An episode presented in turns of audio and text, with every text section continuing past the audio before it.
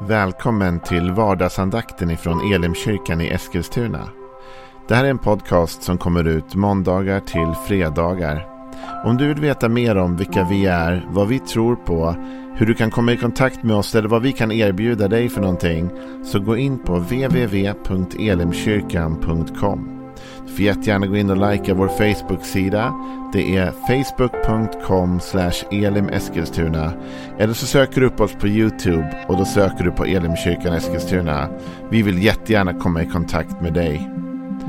Men nu lyssnar vi till dagens andakt. Välkommen till vardagsandakten. Vi håller på att läsa igenom psalm 42 som är en psalm skriven av Koras söner. Det är en vishetssalm, vilket innebär att den är undervisande. Den ska lära oss någonting nytt om livet. Och eh, den har fått rubriken i Bibel, eh, Svenska folkbibeln 2015 så har den fått rubriken Själens längtan efter Gud. Men jag vill gärna ändra den rubriken lite och hellre ha själens oroliga eller ängsliga längtan efter Gud. Därför det är just den typen av längtan som förmedlas i den här salmen den oroliga, den ängsliga längtan efter Gud. När det skaver lite inombords. Och vi talade igår om att just det där skavet på insidan. Varför är du så orolig i mig, min själ? Varför så bedrövad?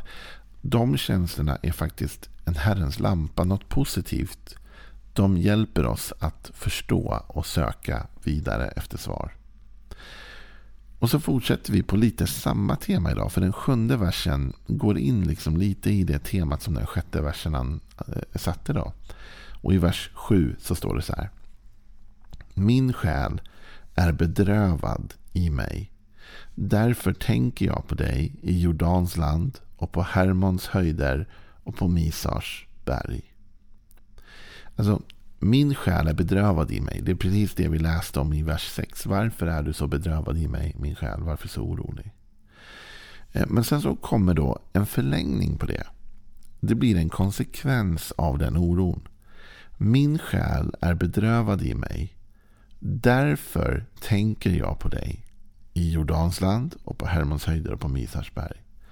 Därför tänker jag på dig. Alltså man hade ju önskat att det stod så här istället. Att min själ är så lycklig och glad och därför tänker jag på dig Gud. Men här spelas vi nu in i en berättelse som upprepar sig gång på gång i det gamla testamentet. Gång på gång i Israels historia. Och gång på gång kanske till och med i vår egen historia och vårt eget liv. Jag skulle tro att det är så, i alla fall i mitt liv. Och det är det att det tycks som att det fanns en liksom process som upprepade sig gång på gång. Det var att Israels folk, de lydde Gud och då gick allting väl. Och när de lydde Gud och allting gick väl för dem, då började de strunta i Gud. Då började de tänka mindre på Gud. Och då började det gå sämre för dem. Och till slut så hamnar de i någon krissituation. Allting kaosar. Allting går dåligt. Man blir till och med ibland liksom eh, eh bortförda till andra länder. Då börjar man tänka på Gud. Och när man då börjar tänka på Gud i sin nöd så vänder man åter och så byggs man upp igen. Och så där går det upp och ner, upp och ner, toppar, dalar och så vidare. Och det tycks som att det fortsätter in i ditt och mitt liv också. Vi kan inte bara skylla på hur Israel levde i gamla testamentet. Utan du och jag, ärligt talat, handen på hjärtat, vi har lite samma. När allting går väl och allting är bra så tenderar vi att glömma bort Gud ibland. Men när det kör ihop sig och saker går dåligt, då behöver vi lyssna på vardagsandakten eller någon annan podd eller läsa Bibeln lite mer eller vad vi gör. Alltså, det, vi ökar på intensiteten i vårt böneliv när saker går dåligt.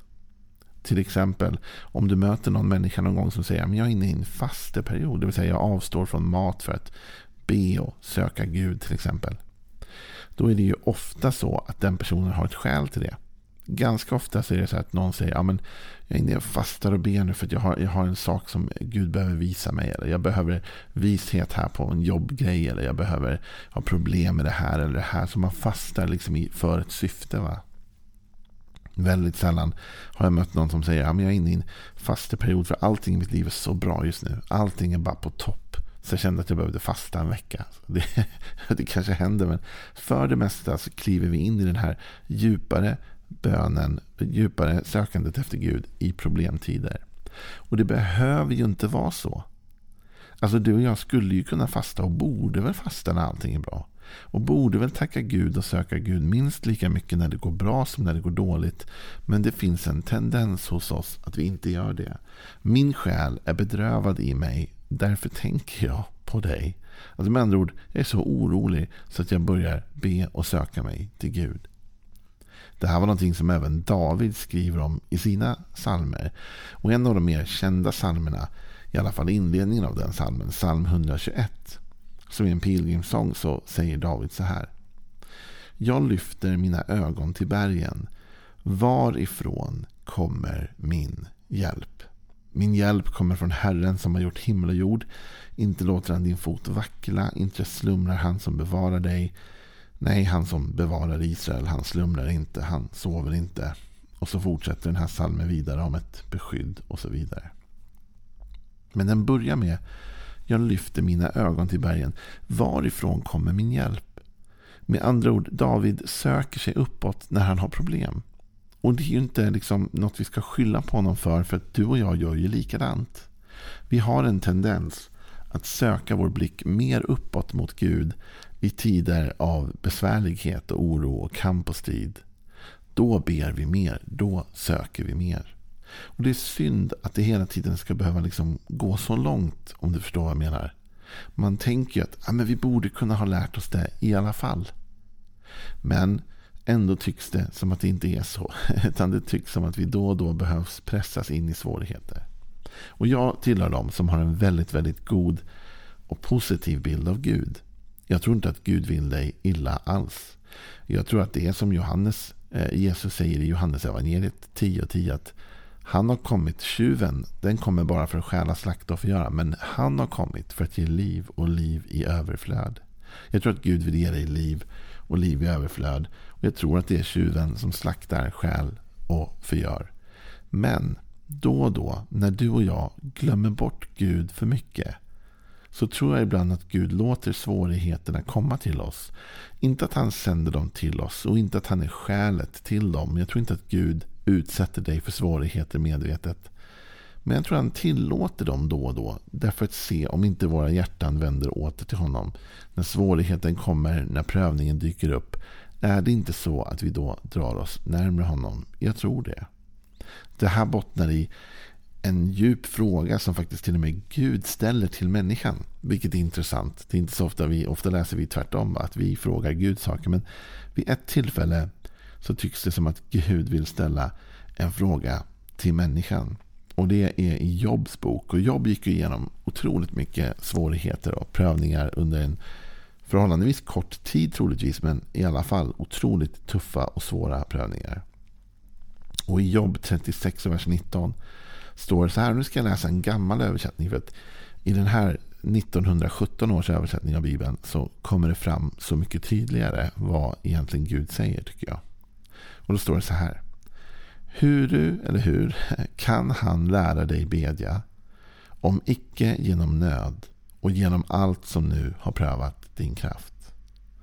Alltså hur kan Gud lära dig och mig att be om inte genom prövningar? Och inte och, om genom nöd och genom allt som har prövat din och min kraft. Alltså, det är ju så här att när du och jag kommer till slutet av oss själva när du och jag känner att vi inte längre kan lösa problemet själva. När vi känner att vi inte själva har svaren på de här frågorna vi bär. Ja, men då söker vi efter någon som har svaret, eller hur?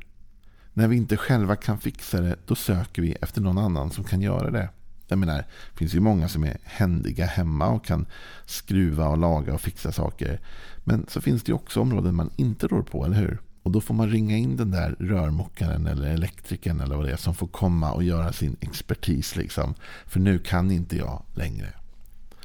Och så där är det med Gud. Att du och jag, vi kommer till tider i livet då vi inser att vi inte är starka nog att lösa de här problemen. Och då ber vi till Gud.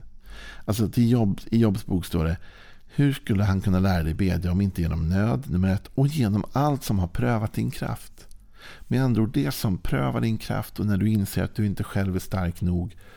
Då tenderar våra hjärtan att söka sig till Gud. Då säger man, någon säger kanske så här, men måste man verkligen vänta på det? Nej, det måste du verkligen inte göra. Utan du kan söka Gud idag. Och det bästa eh, för dig vore att göra det. Även i lägen när allting går bra. Så borde vi söka oss till Gud. Vi kanske till och med borde fasta och be när allting är lycka och glädje. Men erfarenheten säger oss att vi ofta glömmer det. Däremot när det blir svårt och när det kommer en prövning. Ja, men då vänder vi oss ofta till Gud när jag förberedde det här så kom jag att tänka på ett kyrkkaffe här i Elimkyrkan för några år sedan. Det var en besökare här och han var pastor. Han hade inte talat här utan han hade bara dykt upp som gäst. Han kände någon i församlingen på något sätt. Och eh, vi, liksom av artighet, tänkte jag, jag ska sätta mig och prata med den här kollegan då på, vid ett fikabord. Han var pensionerad nu. Men så började vi prata lite grann. Och så berättade han. Han sa så här. Jag har jobbat i fyra kyrkor, sa han, i mitt liv. I två av dem så hade jag det väldigt bra. Och det gick väldigt bra. Och i två av dem så lärde jag mig någonting. Eh, och i de två andra, tror jag han sa, lärde jag mig någonting. Hans poäng var detta. Det var faktiskt inte på de platser där det hade varit roligt och glatt och bra som man hade lärt sig mest. Hans poäng var det var på de jobbiga platserna som han växte som människa och som han lärde sig mer. När hans kraft prövades. Och jag kan lova dig, utan att ha pratat mer om, om honom i det här eller liksom fördjupat samtalet på det sättet. Så kan jag nog lova dig att han säkert bad ännu mer och ännu intensivare på de platser där det gick dåligt. För jag kan se på mitt liv att det är just i tider av svårighet och utmaning som det tycks som att jag öppnar mitt hjärta ännu mer mot Herren och söker. När jag inte själv hittar lösningen eller hittar vägen, ja, men då vänder jag blicken emot Gud. Så när du och jag blir bedrövade inombords, vad, det, vad kan det komma för gott ur det egentligen? Jo, det kan komma att vi vänder vår blick till Gud. Jag önskar inte att du ska behöva gå igenom svårigheter. Det önskar jag verkligen inte. Jag önskar att ditt liv vore eh, solsken och glädje och lycka. Och jag menar det från djupet av mitt hjärta. Men jag vet också att i tider då det är svårt för dig och svårt för mig. Så tenderar vi att söka oss närmre Gud. Och det är i sig gott. Om du just nu har en tid i ditt liv då du känner att det är bara för mycket. Alltså. Jag mår inte bra. Jag har ångest, oro. Eh, jag har ångest för mitt äktenskap, för mitt arbete, för mina relationer, för min hälsa, vad det nu är, för min ekonomi. Alltså jag känner mig orolig, jag känner mig ängslig. Sök dig till Gud. Nu är tiden att lyfta blicken. Du kommer inte kunna reda ut allt det här själv. Utan du kommer behöva hjälp. Ensam är stark säger en del, men det är inte sant. Ensam är ensam och Bibeln till och med säger det så här. Det var inte gott för mannen att vara ensam. Det var därför som också Eva skapades. För att Adam mådde inte bra i sin ensamhet. Du och jag mår inte bra i ensamhet. Vi behöver hjälp av andra och vi behöver hjälp av Gud. Och det är bara lika bra att vara ärlig med det och inse att jag behöver det. Och om du har en tuff tid just nu, vänd då din blick till Gud. Han finns där. Han har alltid funnits där. Och han vill möta dig och han vill möta ditt behov. Lyft dina ögon. Varifrån kommer din hjälp? Jo, men kom igen. Din hjälp kommer från himmelen. Från han som har skapat himmel och jord. Och hur skulle han kunna lära dig om inte genom de här tiderna? Så nästa gång du blir sur på Gud och du tänker Gud varför tillät du mig att gå igenom det här och så vidare.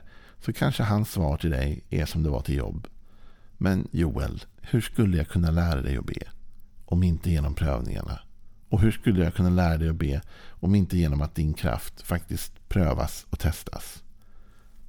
Och om vi genom prövningen växer i vårt böneliv, då har prövningen gett oss något gott. Vi har vuxit, vi har kommit närmare Gud, vi har hittat vår källa, vår frälsningskälla. Ha en välsignad dag så ses vi och hörs vi igen med mer av psalm 42. Hej då.